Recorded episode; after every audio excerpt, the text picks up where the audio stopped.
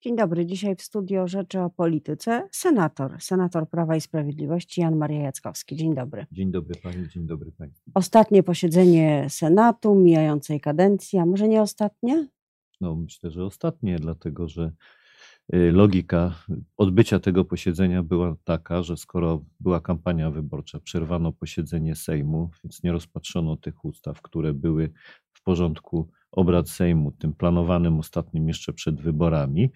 No i stąd nasze przerwanie obrad było też związane. Jesteśmy y, uzależnieni od Sejmu w tym zakresie, czekamy na ustawy i ma być dokończony ten porządek i te obrady Sejmu. A jakie które... ustawy czekacie?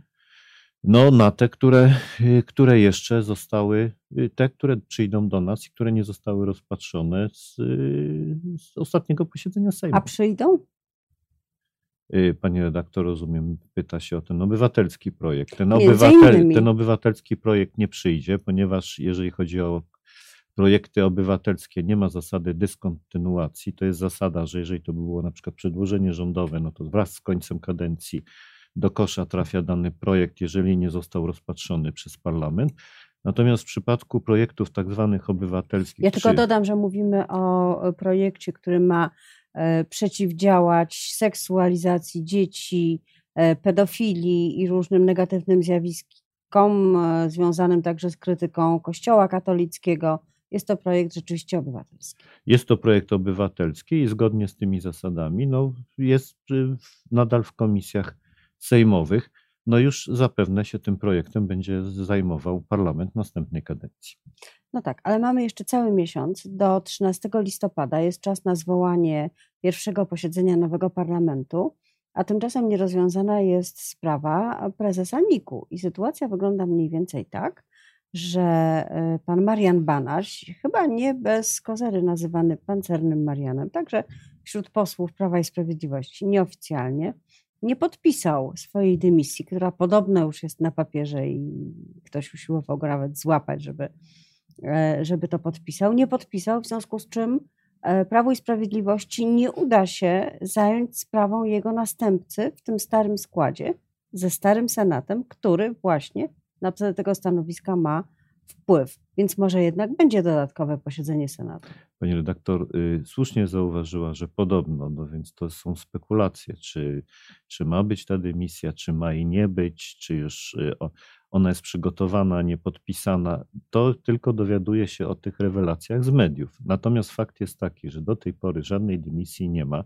Jeżeli chodzi o wyniki kontroli CBA, to nie są one jawne, dla, przynajmniej na razie dla opinii publicznej, więc my nie wiemy, jakiego, przynajmniej ja nie wiem, jakiego rodzaju Y, uwagi miało CBA do świadczeń majątkowych pana Wiadomo, prezesa. że takie, że majątek zgłoszony jest niewspółmierny do zarobku. Być może, ale ja tego żony. nie wiem. Y, dopóki nie ma y, oficjalnego wiedzy na ten temat, to nasze stanowisko jest takie, że trudno nam w tej chwili oceniać, czy w ogóle ma być dymisja pana prezesa, czy tej dymisji ma nie być.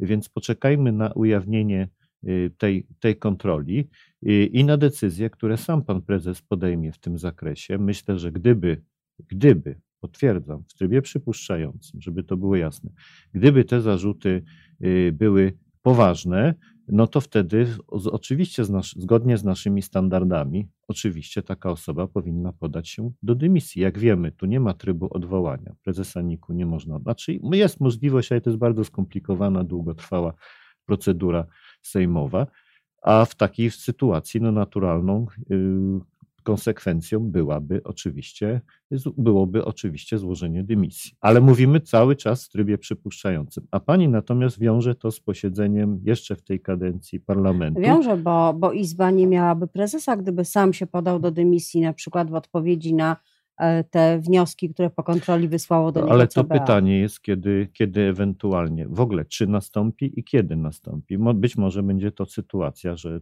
tym problemem będzie się zajmował parlament już w następnej kadencji. Ale wtedy w Senacie, no właśnie. No Jak właśnie. będzie w Senacie następnej kadencji? Pani redaktor, uśmiecham się, ponieważ sytuacja trochę przypomina pewnego rodzaju, no taki trochę thriller polityczny, dlatego że bez względu na to, jaka większość się wyłoni, ta większość będzie cały czas, przez całą kadencję, ona będzie krucha, bo będzie oparta na tym, y, no, na, na jednym, ewentualnie na dwóch głosach. Ponieważ to nie chodzi tylko o wybór marszałka, który jest bardzo ważny oczywiście i prezydium Senatu, ale również o taką codzienną pracę legislacyjną. No więc to jest kwestia której komisji będzie która strona sporu miała większość, bo się nie da tak idealnie podzielić w 15 komisjach wszystkich senatorów, żeby zachować idealne parytety w każdej z komisji. A poza tym, jak wiemy, no nie jest tak, że 100% senatorów jest obecnych, czy posłów jest obecnych na każdym posiedzeniu. No są sytuacje losowe, są choroby, są, są bardzo różne poważne no właśnie, okoliczności. I wtedy jedna ze stron może I wtedy w zależności od i wtedy w zależności, więc y, z tego punktu widzenia no jest to pewna nowa sytuacja, bo po raz pierwszy po 1989 roku obóz, który wygrał w Sejmie, nie ma większości w Senacie. Takiej sytuacji nie było. Dlaczego tak się stało? To jeszcze chwila refleksji nad tymi wynikami. Dlaczego PiSowi nie udało się mieć 51 chociaż senatorów? Bezdyskusyjnie. Yy, niewątpliwie za, zadziałał tutaj pakt senacki i to trzeba powiedzieć, że w tych okręgach, gdzie były wyrównane siły, to w wielu okręgach zadziałało to na plus opozycji. Y, a z drugiej strony, no, mówiłem o tym już w wywiadach, no, w mojej ocenie y, też y, y, jest to trochę na własne życzenie ta sytuacja y, powstała z tej prostej racji, że były okręgi, gdzie ten mandat był absolutnie w polu zasięgu. Na no myślę, gdzie? No na przykład pan senator Bąkowski, który został wykluczony z naszego klubu,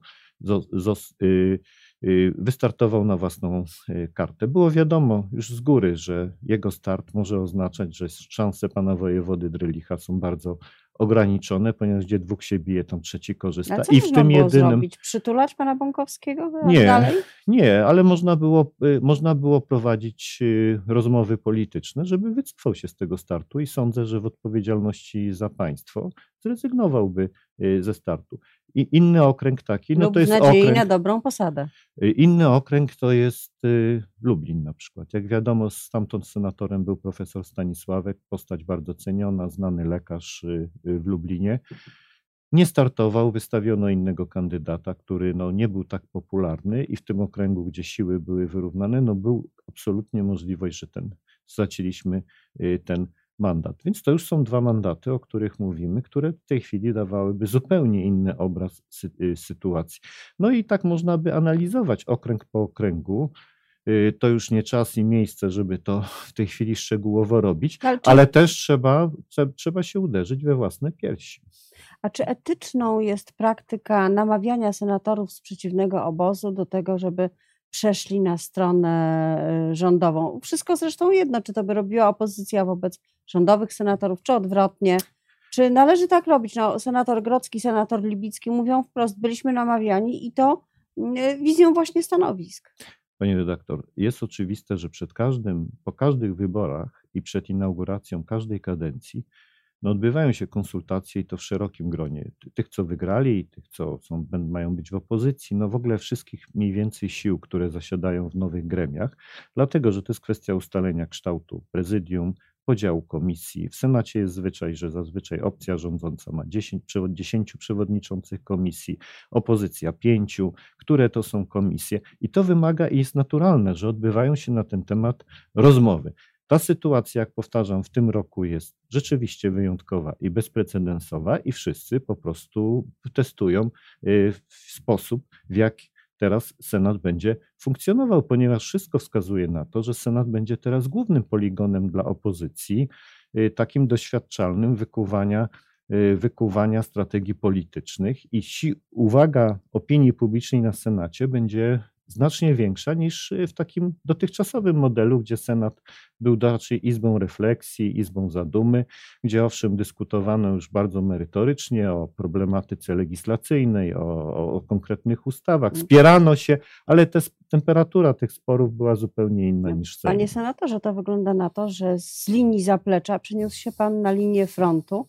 E, I teraz e, trzeba będzie rzeczywiście w jakiś sposób podjąć strategiczną decyzję, czy ta kadencja, druga kadencja pod rząd Prawa i Sprawiedliwości ma być kadencją e, równie ostrą e, w tonie i wyrazie, jak była poprzednia, czy też będzie ta kadencja, kiedy trzeba będzie się w różnych sprawach dogadywać, nawet na zasadzie coś za coś, po to, żeby przeprowadzać rzeczy, które dla PiSu są najważniejsze. Pan prezes Jarosław Kaczyński dokładnie to zaproponował y, w swoim przemówieniu sprzed kilku dni, gdzie mówił, że właśnie y, w duchu dialogu można próbować. I mnie się wydaje, że to by była no, taka bardzo ważna rola Senatu i też korzystna dla opozycji, od razu powiem, ponieważ opozycja pokazując pewną zdolność koncyliacyjną, nie rezygnując ze swoich pryncypiów programowych, ale pokazując pewny gest dobrej woli i, i tak samo my y, w dialogu, może pokazać inną twarz polskiej polityki. Jest taka szansa. Czy ona będzie wykorzystana? Przede wszystkim będzie zależało od opozycji. Jaki opozycja ma konkretnie pomysł na Senat jeżeli opozycja uzyska większość w Senacie. My rozmawiamy cały na razie czas uzyskała, teraz już może ją stracić, y jeśli kogoś namówicie. Pani redaktor, no, w mediach pojawia się informacja, że trwają rozmowy y, z Polskim Stronnictwem Ludowym. Gdyby to się odbywało w trybie na przykład y, no, jakiegoś powiedzmy porozumienia bo nie koalicji, bo nie, nie wiem, tutaj to już mówienie o koalicji rządowej to jest zbyt daleko idące, no bo przecież nie ma sytuacji, że w Sejmie nie ma większości. Prawo i Sprawiedliwość ma zdecydowaną większość.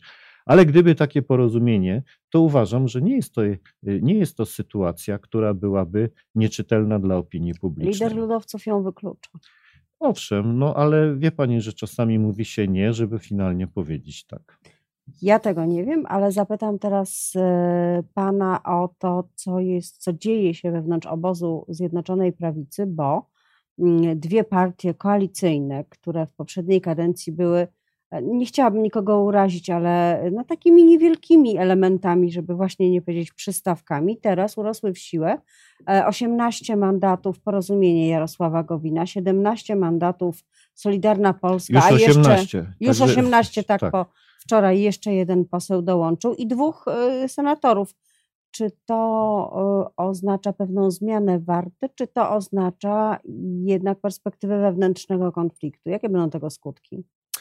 Pani redaktor, no nie jest tajemnicą, że na przykład gdyby było 270 posłów y, Prawa i Sprawiedliwości, a niektóre sondaże, nawet powiem większość sondaży, czy wiele sondaży wskazywało, że takie rozstrzygnięcie jest zupełnie możliwe? To nie było jakieś poza zasięgiem y, w tych wyborach. No to sytuacja byłaby znacznie inna, ponieważ y, y, pozostałaby i tak większość 231 po stronie czystego, nazwijmy to, prawa i sprawiedliwości. Czystego w sensie, że to jedno środowisko by było polityczne. Natomiast w tej chwili mamy sytuację w pewnym sensie nową, ponieważ jak pani wspomniała, no są dwa ugrupowania, trzy ugrupowania w ramach Zjednoczonej Prawicy, z których każdy może utworzyć oddzielny klub, bo nawet środowisko, te mniejsze środowiska w tej chwili mają tak, zdolność. Mają wystarczającą liczbę członków. To niewątpliwie będzie wymagało zwiększenia dialogu, negocjacji w niektórych sprawach, no bo nie jest tajemnicą, że w niektórych kwestiach środowisko pana e, premiera Gowina no, ma bardziej inne poglądy na wiele kwestii gospodarczych niż y, Prawo i Sprawiedliwość. Czy, I tym czy, bardziej inne niż właśnie Solidarna Polska. Y, więc y, to będzie zupełnie nowa sytuacja i sądzę, że ona będzie wymagała również większej debaty wewnętrznej w ramach obozu Zjednoczonej Prawicy. I taka jest sytuacja, trzeba ją po prostu zaakceptować Zbigniew i trzeba przyjąć. Ale ważne jest, ale ważne jest, chciałbym podkreślić, żeby wszystkie strony uczestniczące w tej debacie wewnątrz obozu Zjednoczonej Prawicy wykazały się pełną odpowiedzialnością i patrzyły szerzej, nie tylko na swój y, partykularny interes. Czy Zbigniew Ziobro powinien wziąć odpowiedzialność i być wicepremierem w takiej sytuacji? To są uzgodnienia między kierownictwem Prawa i Sprawiedliwości, a kierownictwem Solidarnej Polski. Ja tutaj na ten temat nie jestem upoważniony, żebym się w jakimkolwiek mierze wypowiadał. Natomiast y, czy tak będzie, no to zobaczymy. No to zobaczymy. Bardzo dziękuję panie senatorze dziękuję. za rozmowę. Jan Maria Jackowski był moim gościem i państwa.